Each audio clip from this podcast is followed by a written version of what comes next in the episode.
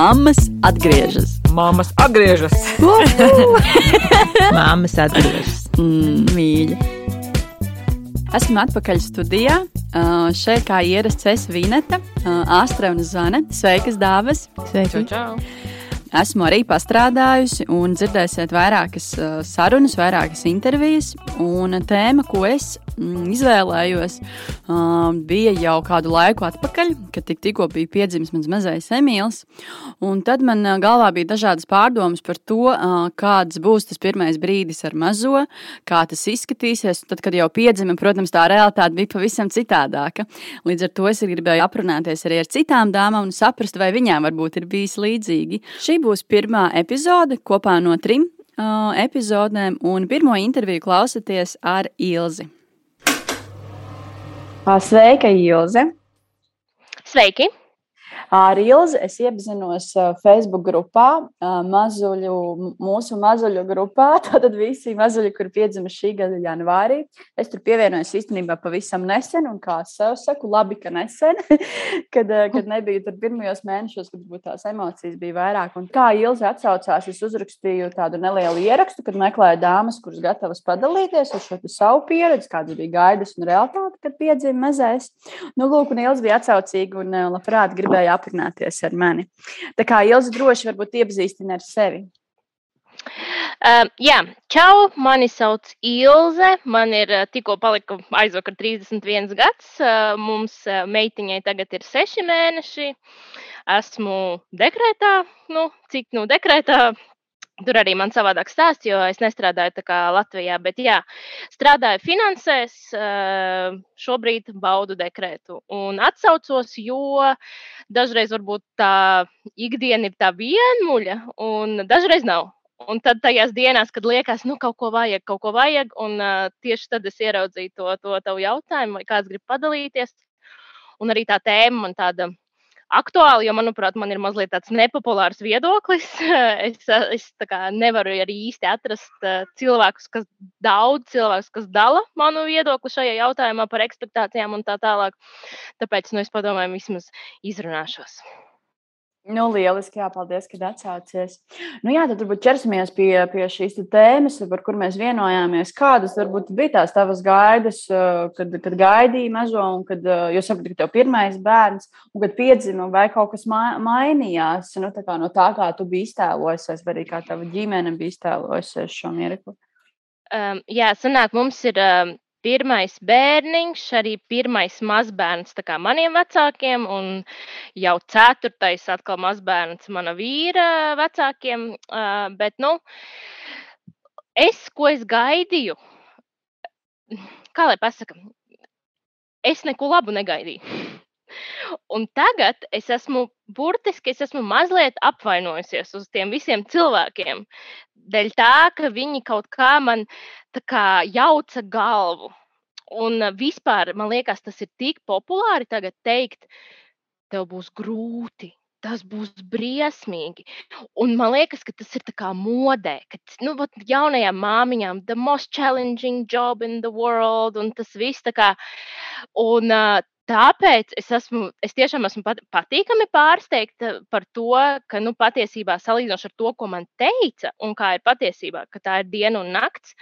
Un es esmu ļoti pārsteigta, ka cilvēki turpina tā teikt, un es ļoti daudz jautājumu sev uzdodu, kāpēc viņi, ka, kāpēc tas ir populāri, kāpēc tev tā ir jādara.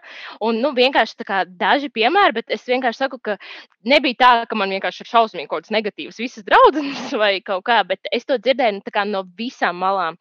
Piemēram, darbā Es vispār strādāju burtiski līdz nedēļai pirms dzemdībām, bet uh, darbā, piemēram, es tur kaut ko strādāju, un tad man teica, tu atpūties, galvenais guli, pēc tam tu negulēsi vēl ilgus gadus. Un kad es teicu, uh, nu, nekas, es taču tūlīt jau iešu atpūsties, nu, tā kā runājot par savu dekrētu, un man korī kolēģis kliedza, tu neatpūtīsies. Tā kā, nu, uzreiz kā, es pilnīgi kā, jutos vainīga par to, ka es gaidu kaut ko labu. Uh, tās pašas tā kā, citas tādas draudzenes, jaunās māmiņas arī. Man visi stāstīja par to, ka ai, mums visām bija tādas ilūzijas, ka mēs tā tur kaut ko, es, es nezinu, pat es īsti neiedziļinājos jautājumā, ko tieši viņas gaidīja, bet ka tas bebīts tās ilūzijas visas viņām sagrāva, ka bija tik smagi, tik grūti, tik, un godīgi, nevienu pozitīvu lietu. Varbūt mana mamma. Mana mamma teica, muļķības, bet es domāju, zin, kā, respektīvi, tāpēc, ka viņa ir mana mamma, viņa droši vien mani mierina. Patiesībā taisnība ir visiem tiem, kas saka, cik viss būs eh, slikti un grūti. Nu, tu tā kā, kā, kā muļķis, jo viņiem jau ir bērni. Ja? Un viņiem ir bērni, un, gāj, un tad, eh, nu, tas ir tas pats, ka tev tādas labas expectācijas, bet cilvēks, kas to jau ir izdzīvojis, tev saka, nu, nemuļķojies, tev viss būs slikti, kāpēc tu vispār priecājies. Un, bet uh, es vēl vienu lietiņu ātri gribu pastāstīt, tā kā, Jā. piemēram, mēs bijām parkā ar vienu draugu, un es jau tur ar lielu punci, viņai jau divi bērniņi mazi ir. Nu, viens jau pirmklasnieks, un citam, piemēram, nu, tur trīs gadi. Un viņi grib uh, vēl tagad trešo, nu, ievēlās, tā kā plāno. Un uh, viņa man tajā parka pastaigā, vat viņa arī man tā kā, cik viss būs briesmīgi. Kā, un es atkal tādu pozitīvu, tā kā, nu, es vispār, es neteiktu, ka esmu šausmīgi pozitīvs cilvēks, bet esmu tāds realists. Nu, mm -hmm. Un um, viņa man stāstīja, nu, ka Jā, tev tikai tagad tā liekas, obligāti guli, kamēr tu esi grūtniece, pēc tam jau, un tikai tagad tev cilvēki saka, ka tev tur māma brauks palīdzēt, beigās neviens tev nepalīdzēs. Un, kad viņi man prasa par kaut kādiem nākotnes plāniem, es saku, ai, nu tur vasarā mēs varēsim vai nu tur vasarnīcā manā vai pie vīra vecākiem, un tur atkal uh, viņi saka, tev tikai tagad tā liekas, beigās tev būs bērns, un tu vispār nekur nebrauks. Un, zini, un tā ir tāda negativitātes dvēsma. Jā. Un man jautājums tajā bija, kāpēc tu gribi trešo bērnu, ja tu man neko labu nevari pateikt? Bet atkal, Vai man ne? liekas, tā ir kaut kāda nesaprotama mode. Mm -hmm. Bet kā, kā tu domā, kāpēc cilvēki apkārt saka tikai tos, nu, to slikto un kāpēc tik ļoti baidīja tevi? Ko viņi gribēja panākt? Es, es, zini, es esmu ļoti daudz eh, domājis tieši par šo jautājumu, un man nav atbildes. Man ir visādas tādas mazas, varbūt teorijas, bet vai es tiešām esmu sapratusi, kāpēc? Nu, es, es sāku domāt, varbūt man darbs ir tik grūts patiesībā, vai tā ikdiena, ka es tagad šausmīgi izbaudu. Nu, protams, atkarīgs no katra cilvēka un katra bērna. Un es vispār domāju, ka visām tās jaunās māmiņas um, patīk ielikt tādā vienā maisā. Bet nu, patiesībā mēs jau esam pilnīgi dažādi cilvēki. Mēs esam pilnīgi dažādas ģimenes. Bērni ir pilnīgi dažādi.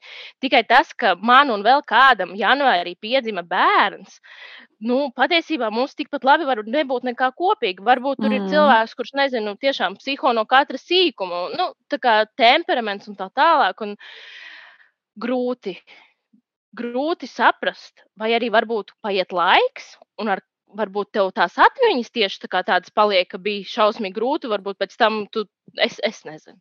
Es tiešām, man nav. Nu, man viens no secinājumiem, tagad arī mazajam tikko palika seši mēneši, kad, nu, kad strādāt ir vieglāk. Man liekas, bija vieglāk nekā, nekā ar to mazo, bet tagad, kad tie seši mēneši jau, jau ir pagājuši, nu, tagad jau, jau ir jau krietni paliek vieglāk. Nu, jau, jau viss ir zināms, un tā rutīna jau ir iegājusies. Kā kaut kādā ziņā es laikam nu, tev piekrītu, kad visi tā ļoti baidīja, baidīja, ka tu negulēsi un viss būs tik grūti. Un, un, un tā nu, īstenībā nav, nav jau tik traki, un arī man arī ar to gulēšanu viss ir kārtībā, esmu izgulējusies. Bet pareizi tu saki, ka nav vienādu māmu, nav vienādu bērnu, un tās pieredzes arī pilnīgi atšķirīgas visas ir.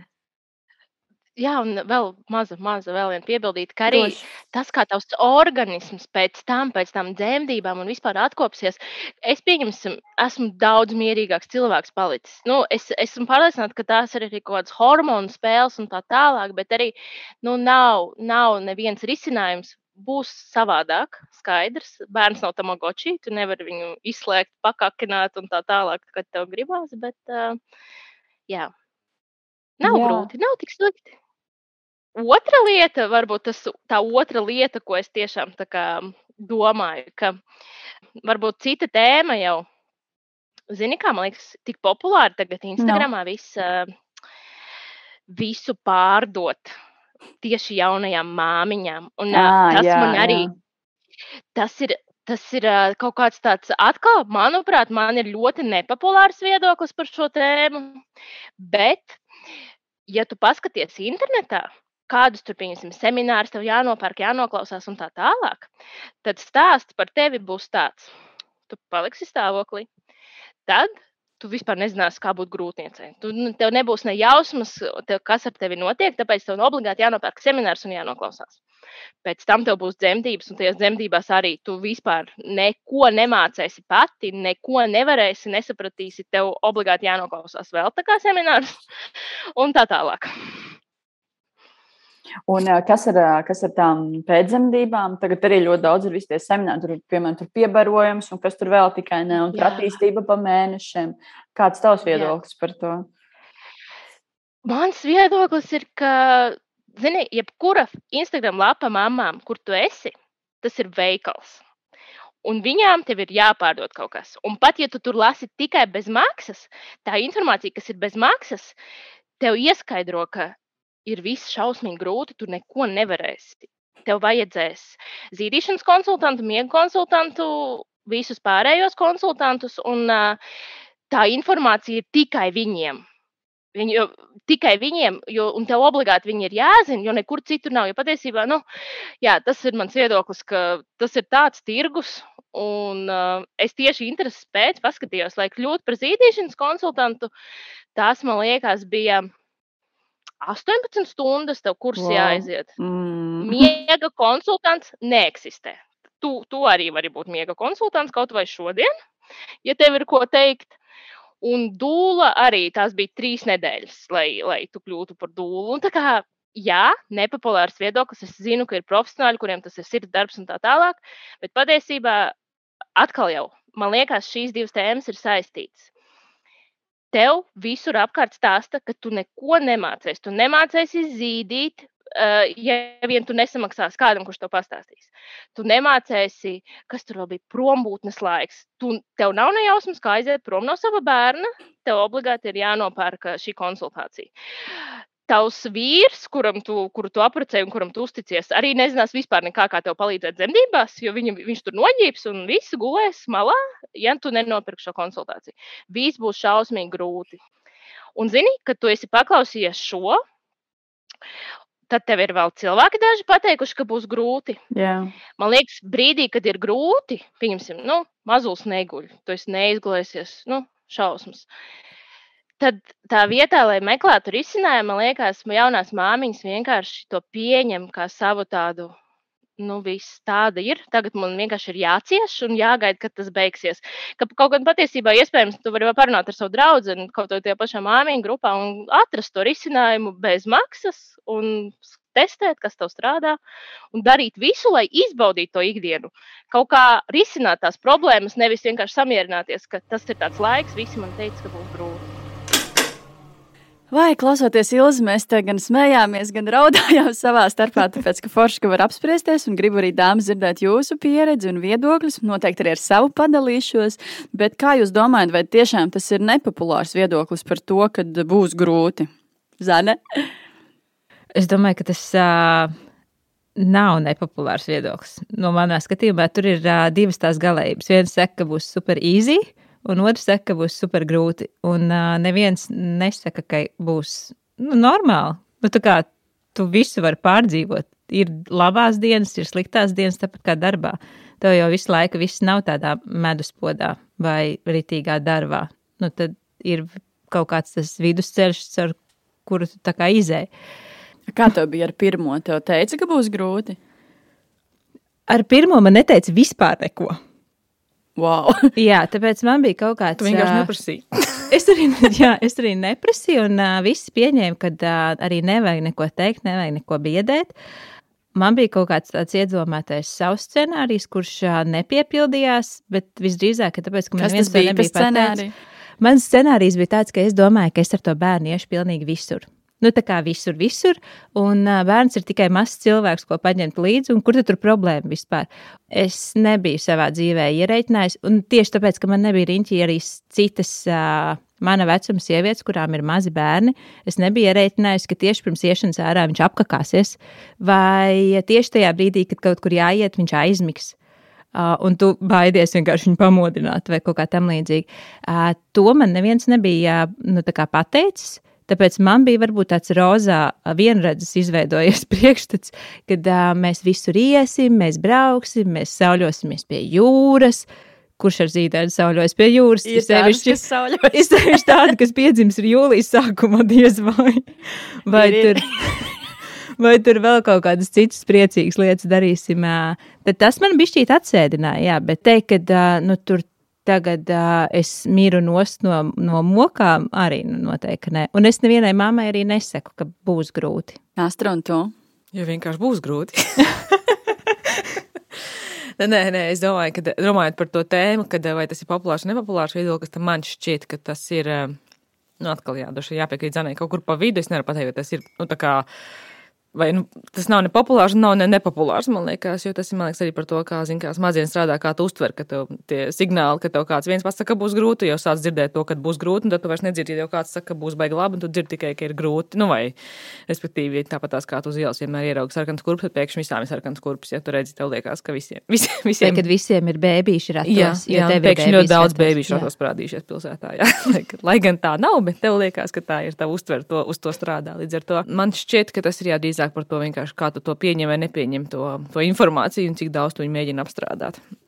Jo man pašai bija, es arī neatceros, ne, mm, nezinu, man liekas, es arī biju ļoti realistiski, līdz ar to man nebija tāda ilūzija, ka būs uh, viegli vai būs grūti. Nu, tā.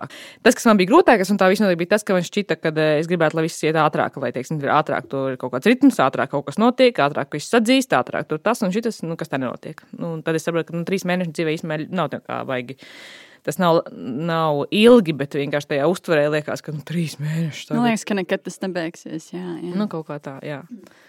Nu, tā. Zana, tu minēji šo darba, darba tēmu, bet kā ir? Vai tu esi dzirdējusi, kad saka, piemēram, sievietes, sievietēm tādus padomus, bet nu iedomājies, ka tavs, tavs bebītis ir kā darbs, un tad eit kā uz darbu, un varbūt tā būs vieglāk. Godīgi teikt, es šitādu nebiju dzirdējusi. Es nopietni. Reāli besjārā. Bet, nu nē, nu bērns nav darbs, tas uh, arī nav projekts. Es, starp citu, kaut kur dzirdēju, ka bērnu nosauc par projektu. Dzīves un... galvenais projekts. jā, bet uh, arī bērns nav projekts, jo projektam tu zini sākuma, beigas jā. un kaut kādas starp etapus. Māma tu būs visu mūžu savam bērnam, pat arī tad, kad viņš izaugs. Jā, tas ir viens, otrs ir uh, bērns ir. Uh, neietekmējama būtne, viņam ir savs uh, saprāts, un viņš jebkurā gadījumā nedarīs pēc tava prāta. Projekts turēsies, sliedēs, jebkurā gadījumā. Mazliet varbūt kaut kāds nobīdes, nezinu, laikos vai ko tamlīdzīgu. Bet ar bērnu tā nav. Nē, es tur vispār nekādu līdzību nesaskatu. Es varbūt redzu kaut kādās kvalitātēs, varbūt ir līdzība kā projektu vadībai un bērnu audzināšanai. Varbūt ir kaut kādas kvalitātes līdzīgas, bet uh, nē. Te, man liekas, arī ir tas par to stabilitāti un to drošības sajūtu. Jo ar to bērnu tā drošības sajūta nu, kā kaut kādā brīdī nepazūd, bet tu vienkārši neko nekontrolē. Līdz ar to tev viņas nav. Darbā tu vismaz diezgan. Nu, pat ja ir jauns darbs, tu apmēram saproti, tu šo to kontrolē. Tu šo to kontrolē, un tas ir ietekmējams. Ar bērnu ļoti daudz ko. Nu, darba tu vari aiziet. Arī fakts, jā, tieši tā. Jā, tu vari nomainīt darbu gal galā. Bērnu nevar nomainīt. Bērnu nākamo, šito nē, šito nē, nākamo. Tas ir, man liekas, nu, tieši tur, un tur tā sajūta arī radās, ka tev vienkārši jāņem uz eh, sajūtām un, un visu ko citu, nevis uz tādām ļoti kontrolējamām un eh, ietekmējamām lietām. Mm.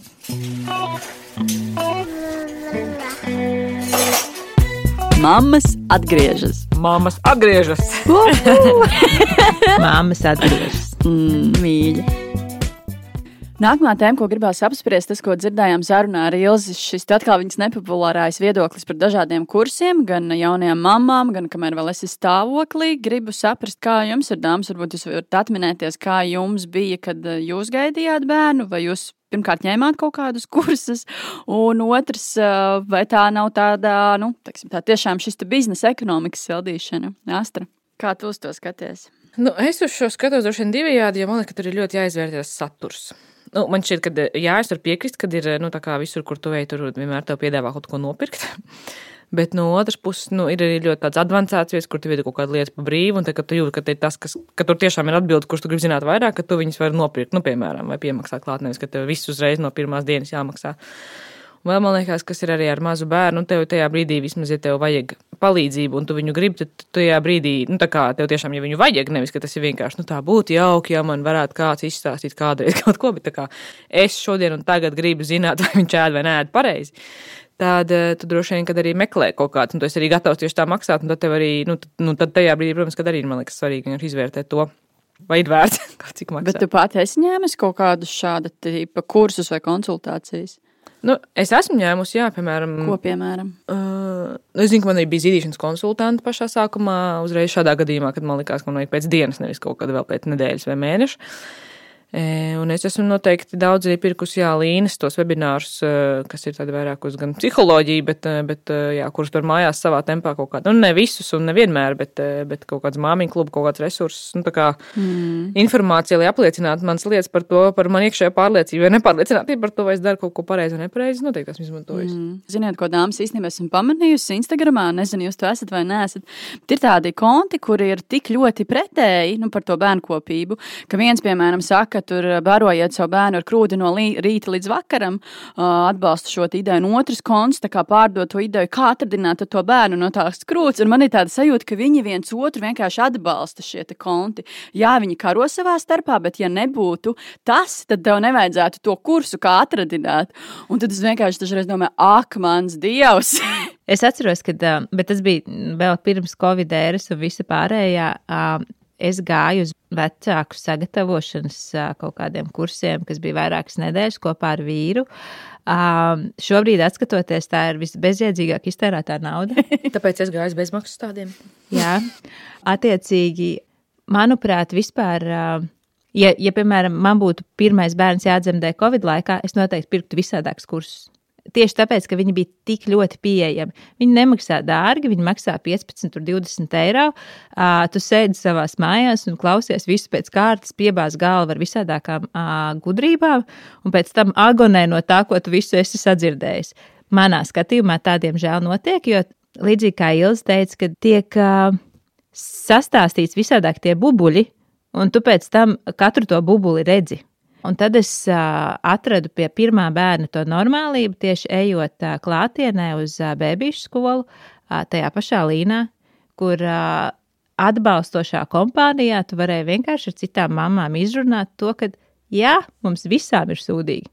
Ir labās dienas, ir sliktās dienas, ir negulētās dienas, ir gulētās dienas, uh, bet tas ir normāli. Un atgūt tādu normālību par sevi, nevis uh, nezinu, baro pēc pieprasījuma ik pēc 20 minūtēm, vai vēl kaut kādas citas lietas. Vajag vienkārši izvērtēt uh, to, kas ir kas ir vajadzīgs. Bet, nu jā, bet ja tev tas pirmais bērns, kā tu to izvērtēt, ja tu neko nezini? Nu, es, piemēram, laikam diezgan daudz kursus izgāju, jo, jo tas bija tas Covid laiks, un viss bija online, un, un, un uh, nebija viņi tik lēti, kā tu stāsti. bija 30, man liekas, 40, un kas visvairāk man pārsteidz un sadusmoja, ka katra, katra tā pediatre mm, kaut ko citu teica par vienu tēmu, tad es vienkārši nevarēju saprast, kā tad ir pareizi, ja katrs kaut ko citu stāsta. Un tad noklausies trešo kursu, un tur vēl ir cits viedoklis, un izlasa grāmatu, tur vēl trešais, ceturtais. Nu, tas man visvairāk satrauc, ka katram ir kaut kāds cits viedoklis par vienu tēmu. Tas ir viens. Un pēc tam jau, kad tas mazais piedzima, mm, īstenībā laikam daudzus kursus nemaz neņēma, ko es zinu, citas mammas ņēma, kaut kāds tur piebarojums, kaut ko tādu. Nu, laikam jau vairs nē, laikam kaut kādā brīdī paliku gudrāka, kad, kad sapratu, ka diezgan daudz arī bezmaksas informācijas man nevajag tur. Uh, no sērijas, kā tur bērnu pieredzināt, atradināt, vai, vai, vai, vai kādu viņam tur putru dot, nedot. Nu, ir, ir pat daudz, jā. Visi, jā, man liekas, ka ļoti sačakarēta no tā informatīvā vide ir ar ļoti, Instagram. Ļoti, ļoti, ļoti jā. tas ir tik sagrozīts un tāds, tik ļoti cilvēki nesaprot, man liekas, ka tas ir reāli biznesa platforma. Pat vairāk kā LinkedIn. Mm. Man liekas, ka tas ir. E, es to normālības sajūtu, man liekas, ieguvu uzreiz dzemdībnamā, ka tev pie katru dienu nāk jauna māsiņa, kas tev stāsta, kā barot. Un viena saka, tev vienu, otrs saka, otru, viena tev saka, ka tev krūtis nav, apmēram, vispār nav barošanai, piemēram, trešā tev saka, viss kārtībā, un vēl pa vidu vēl kaut kāda, tad saprot, trīs dienas, trīs dažādas informācijas, un ok, skaidrs. Tātad vidējais ir kaut kur pa vidu visticamāk. Nu, tā kā nu, vienkārši reāli tur ir jāiet, nu, man liekas, tieši uz tādu kā reizi, ja tu pats teici, Vinet, ka tu izgāji ļoti daudz kursus pirms tam, tad arī, man liekas, ja tu iziekoji trīs kursus un tev ir dažāda informācija, tu vienkārši saproti, ka ir pilnīgi skaidrs, ka tās pieejas var būt ļoti dažādas un ka tas tev jāņem vienkārši tas, kas der tev. Nu, tā kā, jā, jā, tāpat tās jā. kā ar darbu, ka tu izvēlies to darbu, kas tev liekas, kas ir, nu, tā kā, nezinu, ja tev ir trīs piedāvājumi, tu ņem to, kas tev liekas, nu, kas, kurā tu vari, kas tev visvairāk saista, nevis tu ņem vienkārši kaut ko. Pēc kur intervijas tev visvairāk radās tāds excitements? Sajūta, jā. Nu, jā. Kuram speciālistam vairāk noticēju? Kurš bija simpātiskāks? ne, ne no darba, ja mēs skatāmies, tad uh, tu izvēlējies to, kas tev visvairāk piesaistīja kaut kā emocionāli, ne jau paņēma aiz rokas un ieveda kabinetā. mm. Tad uh, līdzīgi ar tiem viedokļiem visdrīzāk. Un noslēdzot šo pelnīšanas tēmu, varbūt jums iešāvās kāda ideja pirmajos mēnešos kopā ar mazo, kā pašai varbūt izveidot kaut kādu savu biznesu. Nu es neizskatīju kā variantu priekš sevis, bet es ā, jau pirmajos mēnešos redzēju, ka jā, ir ā, brīva niša tajā pašā Instagramā vienkārši pelnīt ar bērnu. Es gan tam nebiju pati gatava, ne emocionāli, ne fiziski, un arī vīrs nebija eksponēt uh, mazuli. Bet es redzēju tik daudz sievietes, kuras to dara, un uh, reāli nopelna naudu tikai un vienīgi ar uh, drēbīšu, ratu, kumožu un visu citu ārkārtīgi vērtīgo lietu reklamēšanu. Tā kā man kaimiņiem smējās, viņai ir tik daudz uh, mājās pamperu, nu tā kā firmu, ka viņi varētu kļūt par pamperu influenceru, ja gribētu. Nē, man arī nebija droši vien tādu kon ļoti konkrētu. Nu, tu vienkārši redzi kaut kādas nišas, kas tajā brīdī ir aktuāli. Nu, tas to nevar pārvērt, pārvērst par biznesu. Nu, vismaz es to nejūtu, nejūtu kā ideju, kā pārvērst par biznesu. Ir kaut kāds brīdis, kad tu atrod kaut ko, ka tev nav tur pieejams mūsu Latvijas eh, salīdzinoši mazajā tirgu kaut kāda konkrēta lieta, ko tev tieši vajag tagad. Bet nu, viņi tev vajag tieši uz diviem mēnešiem, kamēr tas mazos aug. es tam tev vairs tas nav aktuāli. Nu, tā. Bet, nu, tāpēc līdz ar to tas man arī ne, nu, jā, nesalikās, ka kaut kāda beigā iespēja. Tālāk klausāmies šīs dienas uh, epizodes otro interviju ar Leldi. Sveika, Lelde! Sveika! Pastāstīšu, varbūt, kā mēs ar Leldi iepazināmies.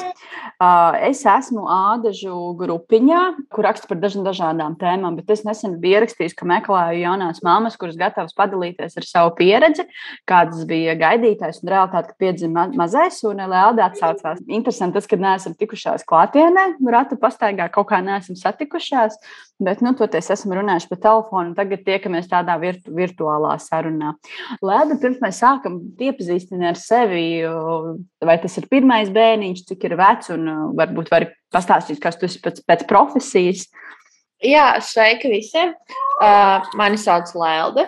Es, es tātad arī dzīvoju Ādažos. Uh, man ir uh, maza meitiņa, šobrīd divi ar pus mēnešus veca vai jauna. Uh, un, un, un, un, jā, un es strādāju uh, RTU attīstības fondā par projektu vadītāju. Uh, pēc izglītības, bakalaura izglītības, es esmu nekustamo īpašumu vērtētāja, bet, uh, bet tikko ieguvu arī maģistra, maģistra grādu un uh, RTU programmā Digitālās humanitārās zinātnes, tā kā mārketings plus IT nedaudz. Tā kā es esmu viss kaut kāds, bet strādāju par projektu vadītāju, kur uh, kur es esmu mazais, mazais starpnieks starp uzņēmumiem un studentiem Latvijas augstskolās, kur sadarbībā ar šiem uzņēmumiem mēs piedāvājam apmaksātas prakses studentiem. Tā kā ir, ir, ir sadarbība ar studentiem, ir sadarbība ar uzņēmumiem, un diezgan aktīva un radoša tā ikdienas sanāk. Bet jā, šobrīd jau, jau sanāk pusgadu esmu mājās, dzīvojos ar, ar savu mazulīti. Pastāst, varbūt, jā, ko tu gaidīji, kādas bija tās tavas gaidas un kāda izrādījās nu, tā, tā realitāte, tad, kad tas mazais piedzima, kādi bija tie pirmie mēneši? Okay. Man, man meitiņa bija plānota, neplānota, plānota, mēs sakām tā, bet plānoti, un uh, mēs diezgan ļoti gatavojāmies. Uh, mēs gājām uz ļoti daudz kursiem, gan attālināti, gan klātienē. Mēs uh, draugs gāja uz tēvu kursiem, ko organizē biedrība tēvi. Es lasīju grāmatas, māmiņu klubu kursi, māmiņu klubs katru svētdienu. Ļoti daudz izglītojos un mācījos, bet tad, kad piedzima mazā, tad bija vispār. Tad, nu, nu, pilnīgi tukša galva. Liekas, ka neko nezinu, neko nesaprotu. Mēs jau runājām ar draugu, ka mēs sagatavojāmies rati bija, istaba izremontēta bija, viss sagatavots bija, izmazgāts, viss bija. Bet, kad ienāk tas bērniņš, emocionāli tu nekam, nekad nevar, man liekas, tādam nekad nevar būt gatavs. Nu, it kā bijām gatavi, it kā viss bija, bet uh, tas sākums bija ļoti, ļoti, ļoti grūts. Ļoti grūts. E, mēs runājam savā starpā, nekad jau nekam tādam nevarētu sagatavoties, jo tu nezini, kas tevi gaidīs. Nu, tu nezini, e, mums šis ir pirmais bērniņš, un mēs, mēs tiešām, varbūt ar otro būs, vai trešo, vai ceturto būs vieglāk. Tad jau mēs zināsim, kas būs, bet ar pirmo tas bija kā augsts ūdens. Nu, Pastāstiet par kādu konkrētu piemēru, kas tā kā visvairāk, pa, visvairāk kā pārsteidz, varbūt cik, cik daudz tas bērniņš laiku prasa, vai, vai kaut kādas pilnīgi citas lietas. Tā visa ikdiena, jo es biju muļķīga, nu jau muļķīga, var teikt, iedomājusies, ka kas tam man, man jau ikdiena paliks tāda pati, bet nāks klāt tikai bērns, nu, tur pabarot, apmainīt uh, pamperus, padzīvoties. Bet tā jau, kas tur aizskrien uz veikalu, manikīrs tur un tā. Bet tagad manikīrs jāieplāno, ir mēnesī iepriekš jāsarunā ar draugu, vai viņš varēs palikt darba dienas vidū, vai, vai kas būs. Tā, tā ikdiena viss, nu, galīgi nav tā, ka bērniņš tikai ienāks un viss jau būs tāpatās. Ir galvenokārt tagad ir tikai bērniņš, un mana ikdiena ir tam apkārt. Pusdienas, pieņemsim, pusdienu gatavošana ir spilgtākais. Es domāju, kas tad tur? Es biju pieradusi, kad gribu ēst, es aizēju, uztaisu ēst nav problēma. Bet tagad man tas, es tiešām, es varu godīgi teikt, es raudāju vairākas nedēļas tikai par to, ka man nav laika uztaisīt ēst. Tāda primitīva lieta, ēst uztaisīšana. Un tagad ir tā, ka es pusdienas esmu iemanījusies taisīt, tagad mazā guļ pirmo miedziņu, pirmo napiņu. Tas ir ap 10, 11 no rīta. Tikai tad es taisu pusdienas, lai ēstu divos. Tā kā, tas ir tas spilgtākais kas no ikdienas uh, sagādāja tādu pārsteigumu. Vai tev varbūt ir vēl kaut kas tāds, ko tu gribēji pastāstīt? Bet... Jā, es gribēju pastāstīt par to, kā vēl kas man mainījās dzīves uztverē no visas pārējās, no kāda, Droši, kāda stāsta. Es esmu pēc um, rakstura, pieņemsim, man ļoti patīk visu plānot. Es nenormāli visu plānoju. Tā kā pat ēdienreizes plānoju, kā, ko gatavosim, cik ko sēdīsim. Uh, uz Ziemassvētkiem trakākais, ko es izdarīju, bija sastādīt dienas uh, plānu pēc, pēc grafikas, kad cikos kas ir jādara. Draugs par mani ļoti smējās. Un ienākot uh, mazulim dzīvē, um, vispār tāda plānošana pazūd. No plānošanas, kas man ir palicis, ko es varu paplānot, ir, ko mēs ēdīsim pa nedēļu, kādu sēdienu reizi. Bet cikos, kad tas notiks, ko mēs darīsim rītdien, cikos tas ir, nezinu. To es vairs nemāku, nezinu un nevaru plānot. Un tas man ļoti, ļoti arī sākumā traucēja un bija grūti ar to sevi salauzt uz to. Bet uh, man šķiet, nu jau ir labāk. Un, un es ļoti gaidu to laiku, kad uh, mazai būs tiešām tāds grafiks. Es, es nezinu, tādam seš, sešas mēnešu vecam mazulītam jau laikam ir grafiks, jau zina, cikos celsies, cikos ko darīs. Bet kā bija tad, kad tu gaidīji mežo, tu domāji, ka būs viss tāpat, ka tu tā, tā turpināsi šo plānošanu un ka tev būs vieglāk visu darīt, jo tu tik perfekti visu plāno. Nu, vismaz man tā likās. Es esmu tieši tāda, tāda pati kā tu. Man viss patīk kontrolēt, visam jābūt sakārtotam, pa plauktiņiem, visu jāsaplāno. Un es domāju, ka man tas palīdzēs arī. Tad, kad piedzima mazais, nu, tad neko nevarēju saplānot, un tas bija grūti ar to visu. Vai tev bija līdzīgi? Jā, man bija simtprocentīgi tāpat. Man vajadzēja. Es domāju, nu, nu jā, bērns ienāks manā grafikā, manā plānošanā, tā kā manā visā, bet uh, man ir jāiet viņas plānošanā. Un tas ir uh, nu, sevis laušana, tas ir ļoti grūti. Un, un, un, un, un, bet, nu, ar katru nedēļu, ar katru dienu paliek labāk. Jā, dzirdu to mazo dāmu. Man te arī viens fonā spēlēja smaida, visu laiku smējās kaut ko. Klausoties šo sarunu, atcerējos Astras veidotās iepriekšējās trīs epizodes, kur tieši viena tēma bija par māmu superspējām, kur tika runāts par šo te, kādas tad spējas prasmes māma iegūst bērnu kopšanas atvaļinājuma laikā un par to, vai to likt vai nelikt CV, vai teikt vai neteikt darba intervijā, vai izcelt vai nē.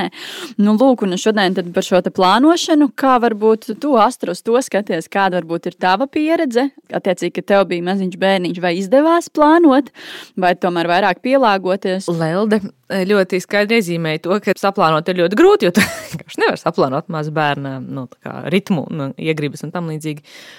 Bet uh, tas jau nāk ar laiku. Tev tas ir sākums, protams, ka viņš ir vienkārši nu, tas kā jaunā projektā, ka tev ir hauss un tu nezini, kas no viņa kā, kā to salikt. Tad tu sistemātiski vienkārši viņu saliec pa kaut kādiem plauktiem un paiet laiks, un tu sāc saprast. Un ar vien labāk un labāk tu spēj saprast un saplānot. Tas bērns paliek lielāks, un tev ir vieglāk droši vien kaut kādas prasmes sākt jau pielietot kaut kādā iedzīgākā formatā nekā pirmajos mēnešos. Bet, nu, skaidrs, ka arī mana pieredze ir pilnīgi, pilnīgi tieši tāda pati, liekas, kā visām, visām mamām. Nu, es tā domāju, ka visām kad vienkārši tu nevari, nu, tu vienkārši pielāgojies. Tu esi, tava spēja tajā brīdī attīstās pielāgošanās spēja vairāk nekā jebkura cita spēja, ko tajā brīdī var pielietot. Un spēja sajust vienīgais, mēģināt saprast, kurā brīdī tas ir par vēderu un kurā brīdī par ēšanu un tam līdzīgas lietas. Bet es arī, jā, vēl ļoti labi piekrītu, jo es arī savām draudzenēm teicu, kad man prasīja, ka man piedzima pirmais bērns, es tieši viņām arī teicu, es saku, nu, sakiet, mēģiniet, ko jūs gribat, bet jūs gatavs to nebūsiet, ne, jūs nevarat būt tam gatavs simtprocentīgi ne, nekad. Un viņš man skatījās, nu, teica, tā kā, nu, nu, kāpēc tā saka? Es saku, nu, tā vienkārši ir. vienkārši tā ir. Nu, tev var būt tieši tā simts kursi. 200 apmācības, ne, nu, ir droši vien, ka vienkārši tas sanāk dabiski, un tu viņam tas, nu, tā kā pārsteiguma moments varbūt ir mazāk, bet pa lielam tu tāpat tās nekad nezini. Nu, tā kā tā satiks, tāpēc tas ir satikšanās brīdis ar kaut ko nezināmo. Zāne, ko tu domā tādās pārdomās iegrimi? Jā, es domāju par to, ka bērns noteikti tādā mazā vecumā iemāca fleksibilitāti. Tā varbūt varētu būt papildus bonus, kurš nāk bērnam līdz mazam bērnam. Ar lielāku bērnu, protams, tā ir plānošana. Bet kaut gan es zinu māmas, kuras arī neplāno, arī lielākā vecumā. Ļauj tam visam vienkārši. Ja tas ir atkarīgs no dzīves stila. Ja tev pašai ir jāplāno darba diena, darba laiks, ēšana, pulciņi, tad, tad tev nākās jebkurā gadījumā plānot. Ja pulciņi ir tikai tie, kas, piemēram, ir skolā, bērns pats uz viņiem iet, pats nāk, ēd to, kas ir leduskapī, un uz skolu pats pieceļās un aiziet, un tu, piemēram, strādā kaut kādu tādu freelancer darbu, tad tā plānošana varbūt arī nav tik aktuāla. Jā, bet es arī varu pilnībā piekrist Astrai, ka tā ir lieta, kurai nevar sagatavoties. Bērni ir lieta, kurai nevar sagatavoties. Vienam, kuram liekas, ka man šausmīgi sabaidīja, liekas, ka pārbaudīja, otram, kuram varbūt nedastāstīja kaut ko, viņš pēc tam prasa, kāpēc jūs man nepateicāt par to, to, to, to. to. Tam nevar sagatavoties. Tas ir uh, līdzīgi kā augstās peldas roņiem. Man liekas, ka pirmo reizi, kad tu ieeji, tu jau nezini, kā būs. Nu, to tā alpā aizcirst, tas ciet. Jā, jā. jā. Tu var, tev varbūt arī neaizsērtās elpa. Nu kā, tas ir ļoti atkarīgs no cilvēka individuāli, cik lielā kontrastu dušā varbūt viņš gājis pirms tam. Tāpēc tāpat ar bērniem.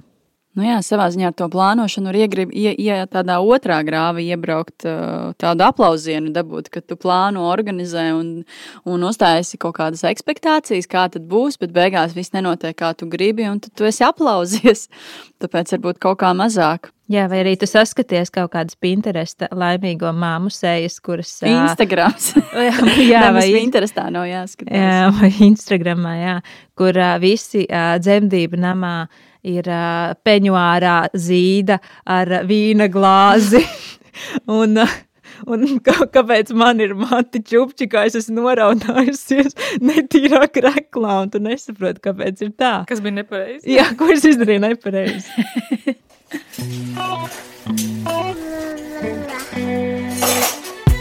Māmas atgriežas. Māmas atgriežas.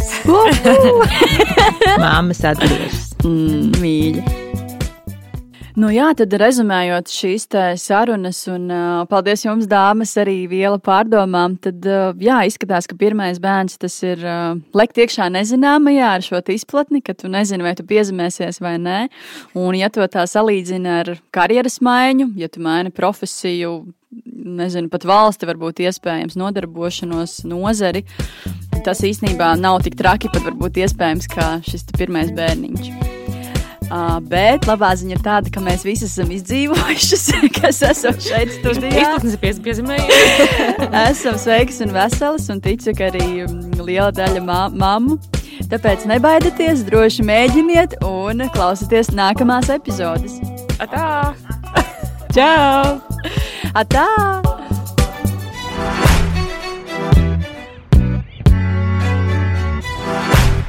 Nanai! Miniseriāla autori Vineta Bērziņa, Astra Pudāne un Zane Uzuliņa.